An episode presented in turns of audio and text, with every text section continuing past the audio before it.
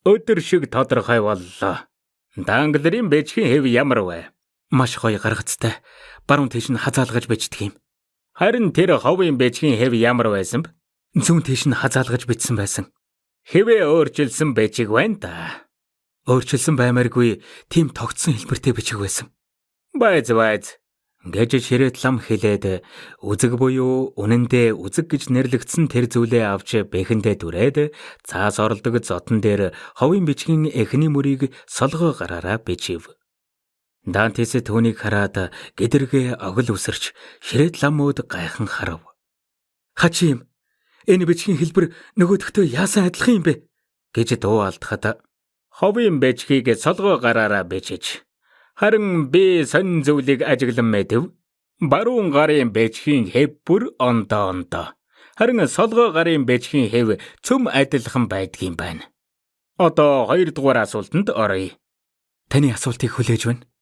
Таныг Мерседестэй суухад дургүйцэх хүн байсан уу? Байсан. Мерседес дурлсан нэг залуу байсан. Нэр нь хэн гэдэг юм? Фернан гэдэг. Испани нэртэй юм аа? Тэр каталан хүн. Байзнараа Данглер Фернаныг таних уу? Үгүй. Тийм ээ. Одоо саналаа.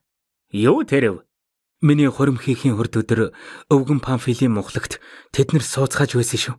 Данглер их л найрсаг зантай, хөвгөлтэй, харин Фернан нь зэвхий цонхгор царайтай байсан. Тэд хоёулахнаа байсан уу? Үгүй. Гурвуулаа сууж байсан. Гурав дахь нь миний сайн танил хүн байсан. Бодвол тэр л тэр хоёрыг танилцуулсан байх. Сайвен Кадрус гэдэг хүн. Гэвч тэр шал согтуу байсан. Байцаараа. Байцнараа. Би яагаад үнийг нь сансангүй вэ? Тэдний арх хууж суусан ширээн дээр бэхийн сав цаас үзэг байсан. Нөө. Буцар амтд.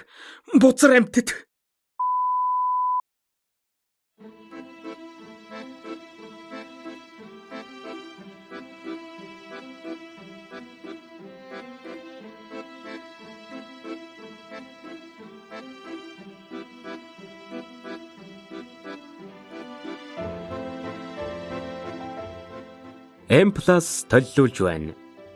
Дэлхийн сонгодог зохиолууд аудио төсөл. Монте Кристо гүн. Нэгдүгээр дэвтэр. Зохиолч Александр Дюма. Орос хэлнээс орчуулсан Даш. Франц ихтэн тулган засварласан Пүрбаатар. Зохиолыг уншсан Дархан сүх.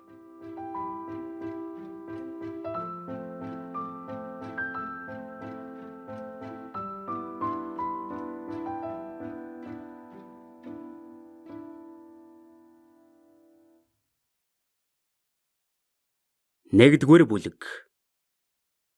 1 Марселд ирсэн нь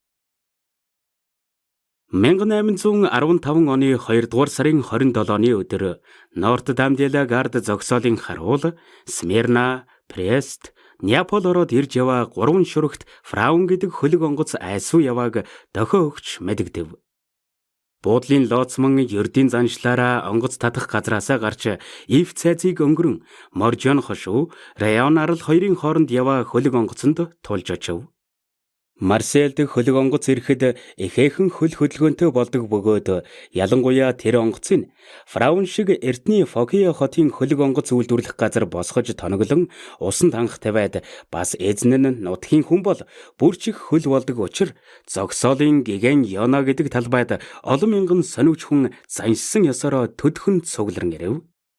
Энэ завсар хөлөг онгоц улам ойрцсоор галтуулын дэлбэрэлтээс болж дээр цагт Каласарен Жарос хоёр арлын хооронд тогтсон хоолоогоор амар мэнд өнгөрч Помигийг тойрон гараад шулуун гурван дарвуулаа татаж хошуун дээрх гурвалжин талбайгаа дэлгэсэн мөртөө алгуурхан ирж явхад цугларсан олон хүн азгүй явдал тохиолджээ гэдгийг аргагүй тааварлан чухамхүү юу болсон байдаг вүлээ гэж бодоцгооно. Гэвч учрыг мэдэх хүмүүс хөлөг хэвийнхэн байдлаар сайн явж байгааг хараад хэрвээ ямар нэгэн явдал болсон байлаа гэхэд онгоцонд биш юм гэдг нь тодорхой байв. Сангу буулгахад бэлхэн Баатар багштайгаа өгчгсөн бөгөөд Фрауныг Марселийн онгоц зогсоолын нарийнхан хаалгаар оруулах гэж байгаа Лоцманы хажууд гавшихай байрын залуу ир зогсож хөлгийн хөдөлгөөн бүрийг нарийн ажиглаж Лоцманы тушаал бүхнийг давтан дамжуулж байв. Энэ тодорхой биш төгшүүр нь цугларсан олны дундаас нэгэн хүндэс сүрхий хүчтэй нөлөөлж хөлөг онгоц буудалд орж ирэхээс өмнө яаран завинд сууж фрауны өөдөөс явахыг тушааж удалгүй нөөц булангийн тушаа хөлөг онгоцтой зэрэгцэж очив. Залуу далайчин энэ хүнийг хараад Лоцманы дэрэгдээс холдон онгоцны хөвөнд очиж бүрхэм алгаагаа авч зогсов.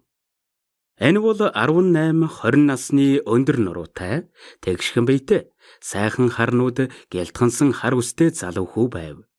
Төрх байдалд нь бага наснаасаа эхлэн аюул гамшигтай тэмцэж сурсан хүмүүст байдаг тайван шийдмэг янз илэрхажээ. "Өө, Дантис та юу?" гэж завинд сууж ирсэн хүн хашгираад "Юу болчов? Ягаад хөлгийнхэн чинь цөмөрөө уруу царайтай явна вэ?" гэж асуув. "Хэрхэн морийлгой? Их золгүй явдал тохиолдлоо. Ялангуяа надад их золгүй явдал тохиолдож Чивита Вектийн дэргэд алдарт ахмад Леклерээс хагцв гэж хүү хариулахад "Аа, ачаа чинь" гэж хөлгийн эзэн яран асуув. "Хэрхэн морийл? Бүрэн бүтэн ирсэн. Энэ талаар та санаа зовхгүй байх гэж би бодож байна. Харин хөөхий Ахмад Леклер гэхэд хөлгийн эзэн элтэд сэтгэл амарсан байдалтай. Юу болов? Манай алдарт ахмадад ямар явдал тохиолдов? гэж асуув. Нас барсан. Онгоцноос ойч юу? Үгүй. Мэдрэлийн чичрэг тусаад жигтэйхэн зүдэрч өгсөн. гэж Дантис хэлээд хөлгийнхэн өдөө эргэж "Алив байр байранда зангууга буулгаарай" гэж хашгирав. Хөлгийнхэн нийтдээ 10-аад хүн тушаалыг дагаж хүн бүр өөр өөрийн үүрэгт ажлыг хийхээр далбай шураг руу аргамж хөндлөвч рүү угс хэлтлээ.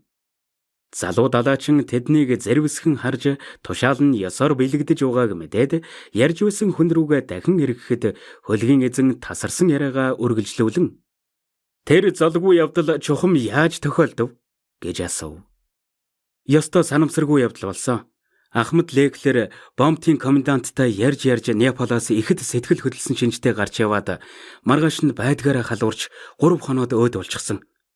Бид зохих ёсоор нь оршуулсан. Одоо хөл толгойд хүнд юм зүйлдтэй, затонгоор оролттой, дээл жил юу арлын дэргэд 50 нойрсож байгаа.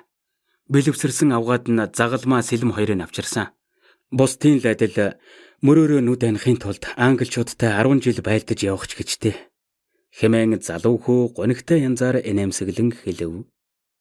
Одоо яа гэх вэ эдмоо минь гэж улам улам тайвширч байгаа хөлгийн эзэн хэлээд бэд цөмөрөө л үхэх уулзах нь хөгшин нь залуудаа байраа тавьж өгөх хэрэгтэй.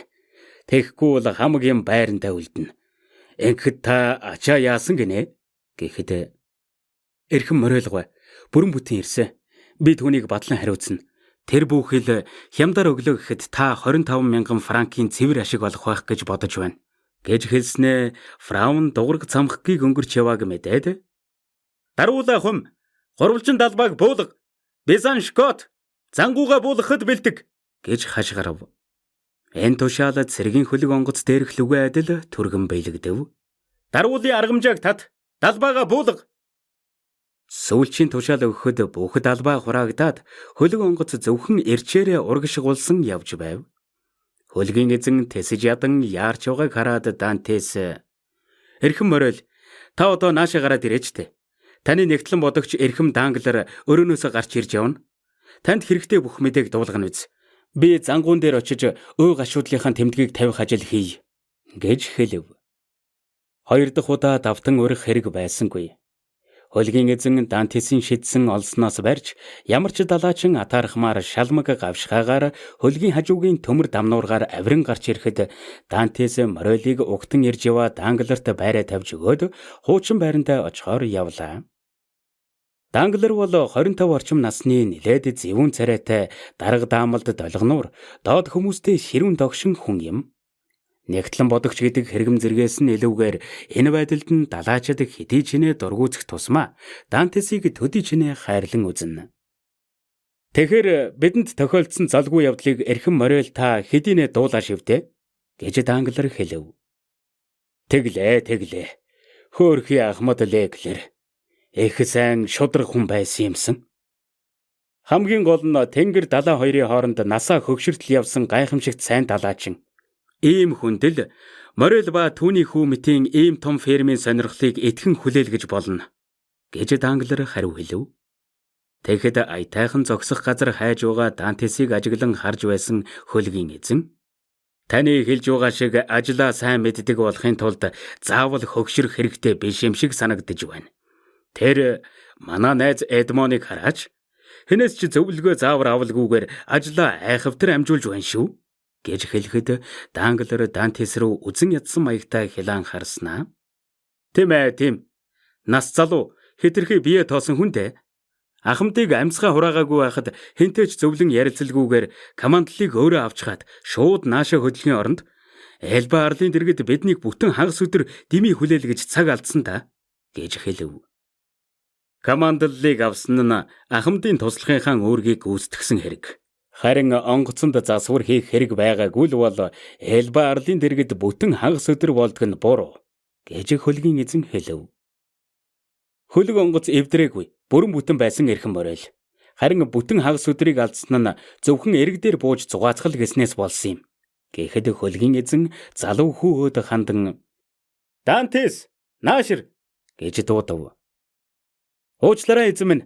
Би 1 минутын дараа тань дээр очие гэж Дантес хариулв. Тэгээд онгоцныхон багт хандаж Зангуу буулга гэж тушаав. Тэр дор зангуу бууж гинжин харжигнангүйв. Хэдийгээр лоцман байсан боловч Дантес энхүү сүүлчийн ажиллагаа дуустал байрандаа байсаар байв. Дараа нь Дарцгаа хагаст нь хүртэл буулгаж далбайгаа зангидаад хөндлөн зөрүүл гэж хашгирав. Та харж байгаа үст. Одоо бүр өөрийгөө ахмад гэж хэдийн бодцоход байна. Нэрэ шүү гэж Данглер хэлв. Тийм ээ, энэ ч ахмад шүү дээ гэж хөлгийн эзэн хариулв. Тийм л дээ. Тэгтэл та болоод таны хоршоо нөхдөр батлагдаагүй байгаа биз дээ? Эрхэм морил гэж Данглер хэлэхэд түүнийг ахмад болгож болохгүй юм юу вэ? Үнэн дээр насаар залуу боловч ажил хэрэгт үнэн шудраг их туршлагатай хүн шиг байна гэлээ. Данглерийн царай бараав. Дантес ойртож ирээд уучлаарай эрхэм морилгой. Зангуу буулгачлаа. Би одоо таны мэдэлд ирлээ. Та намайг дуудсан баха гэж хэлв. Данглер алхам ухрав. Би танаас яах гэж Элбарл дээр буусан юм гэж асуух гэсэн юм. Би өөрөө ч мэдэхгүй.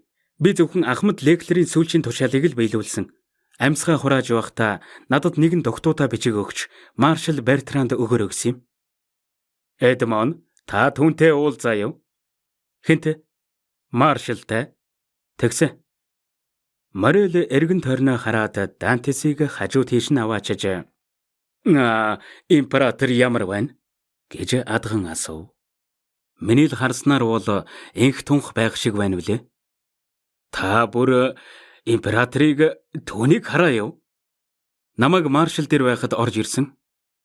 Та тэгээд тэрнтэй юм яриа юу? Үгүй. Тэр надтай ярьсан гэж Дантес инээмсэглэн хариулв. Тэр юу гэж байна?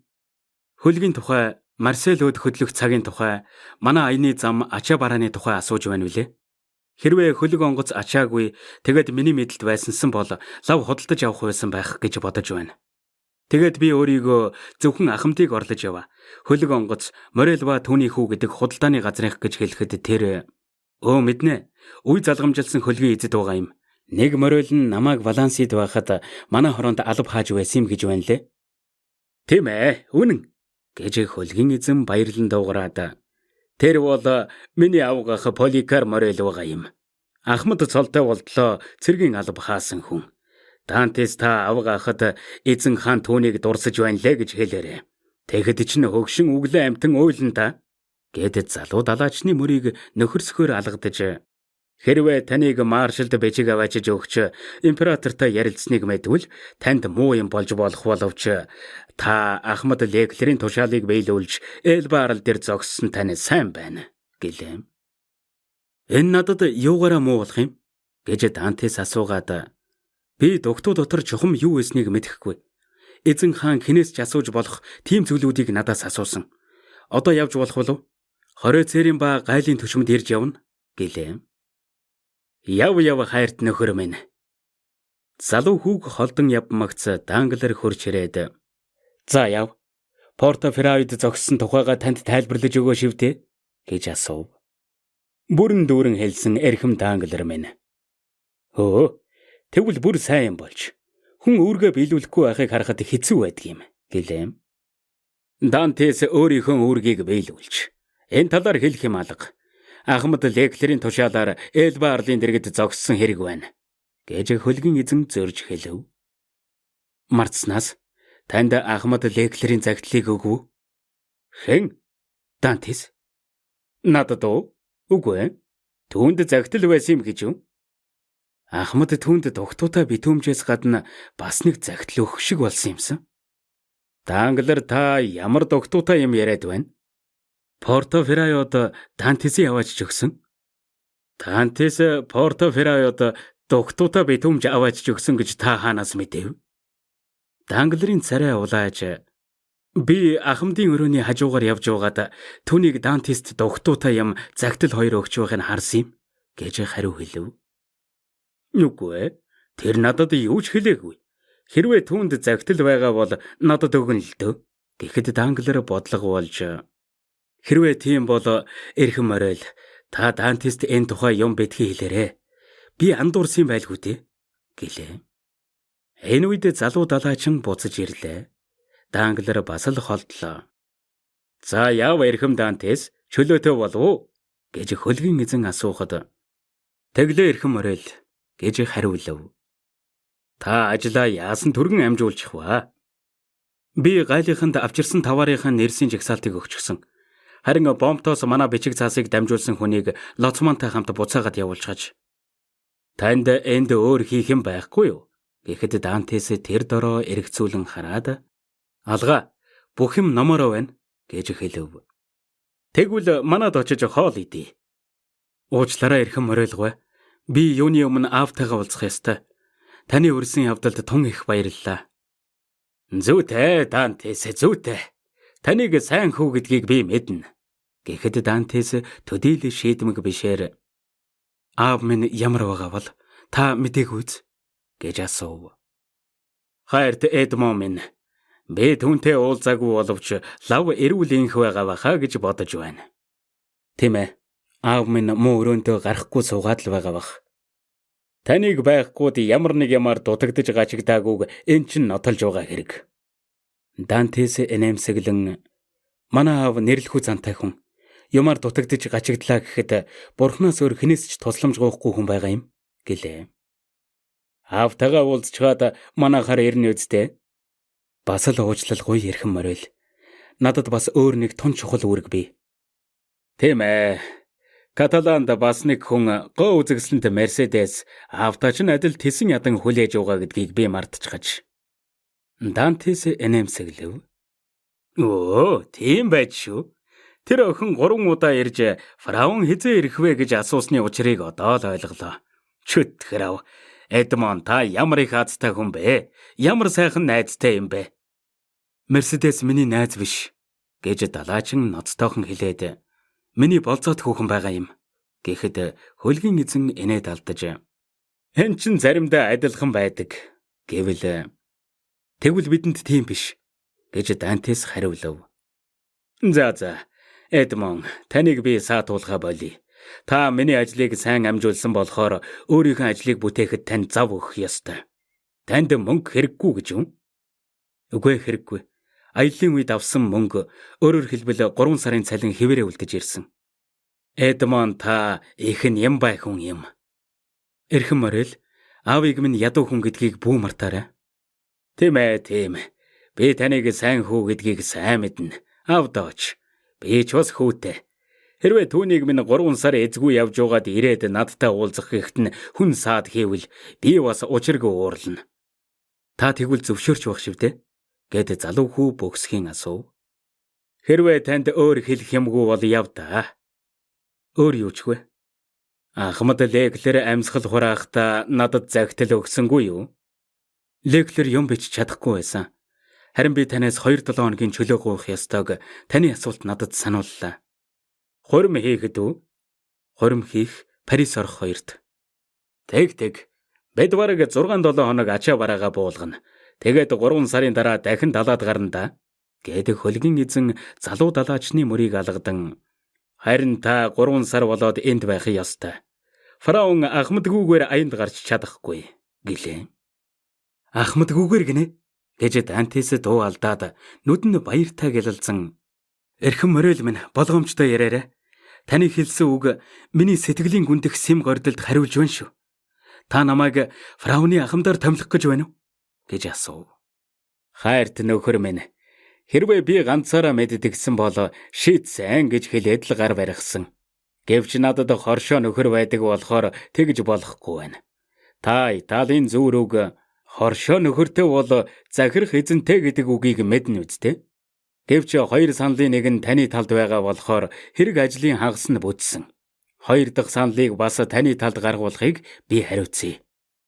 Аа эрхэм мөрөл гэж залуу хүү нүднийхээ нүлэмсийг гүйлгнүүлэн түүний гарыг атгаж танд эцэг Мерседес хоёрын нэрийн өмнөөс баярлснаа илэрхийлье. Ингээл. Зүгээр зүгээр Эдмон минь Үнэн ч хүмүүсийн бурхан тэнгэрт байдгийм. Чөтгөр ав. Аав Мерседес хоёртойгоо уулзчаад дараа нь манад очоорой. Би таныг эрг дээр гаргаж өгөх үү? Үгүй ээ баярлалаа. Би эндээ хоцорч танглертай тооцоо бодож үзье. Аяллаа үед тэр танд ямар санагдав? Наантай цаантай. Нөхрийн хувьд таарахын. Нэгэн удаа бид хоёр муудаж маргалцсан юм. Тэгэхэд би энэ маргаанаа шийдвэрлэхийн тулд Монте Кристо арлын дэргэд 10 минут зогсъё гэж тэнийг юм хэлж гисэн юм. Түүнээс хойш надад муу болчихсон хүнтэй. Уг нь би тэгж хэлэх хэрэггүй байж. Түүний татгалцсан нь ч зөв болж. Нягтлан бодохын хувьд ямар ч муу юм хэлэх арга алга. Та ч гэсэн сэтгэл ханамжтай байх болно. Гэхэд хөлгийн эзэн Хэрвээ та фрауны ахмад байсан бол танглерыг өөрийнхөө дэргэд дуртаяа байлгаж ажиллуулах уу? гэж асуув. Би ахмад ч юм уу эсвэл туслахын ч байлаа гэсэн эздийнхээ итгэлийг хүлээсэн хүнийг бүрэн хүндэтгэж байх болно эрхэм морайлгүй. Зүйтэй Дантес. Та ер нь бүх талаараа сайн хүн юм. Одоо яв да. Зүүн дээр сууж байгаа юм шиг л байна. Тэгэд би чөлөөтэй болчих уу? Яв яв гэж хэлж байна шүү. Таны зэвээр явж болох уу? Аав аав. Баяртай. Эрхэм мөрөөл танд маш их баярлалаа. Баяртай Эдмон. Амжилт хүсье. Залуу далайчин завинд харайн орж залуурын дэргэд суугаад канабер гудамж чиглэн явахыг тушаав. Хоёр далайчин сэлвэр барьж буудлаас Орлеоны эрэг хүртэл хоёр игнүүлэн зогсоосон онгоцнуудын хоорондох нарийнхан зайгаар бусад олон завны дундуур чадах чинээгээр хурдан сэлвэрдэн явлаа. Хөлгийн эзэн түүнийг эрг хурч завнаас үсрэн буугаад өглөөний 5 цагаас оройн 9 цаг болтол хөл үүмэн дүүрэн байдаг канабер гудамжинд орж бужигнсан олон хүний дунд алга болтол нь хойноос нь инээмсэглэн харж зогслоо. Орчин үеийн фокейчүүд энэ гудамжаараа бардамнам бахархаж Парист канабер гудамж байдагсан бол Парис бяцхан Марсель байхсан гэж өөрсдийн онцлог аялгуугаар үнэн голоосоо ярилцдаг ажээ. Хөлгийн эзэн эргэж өөрийн тушаалыг хүлээж байгаа мэт боловч үнэн хэрэг дээрээ өөртөө найдал залуу далаачныг үдэн харж байгаа данглерыг харав. Гэвч холдон явж байгаа хүнийг харсан энэ хоёр хүний харц шал ондоо байлаа.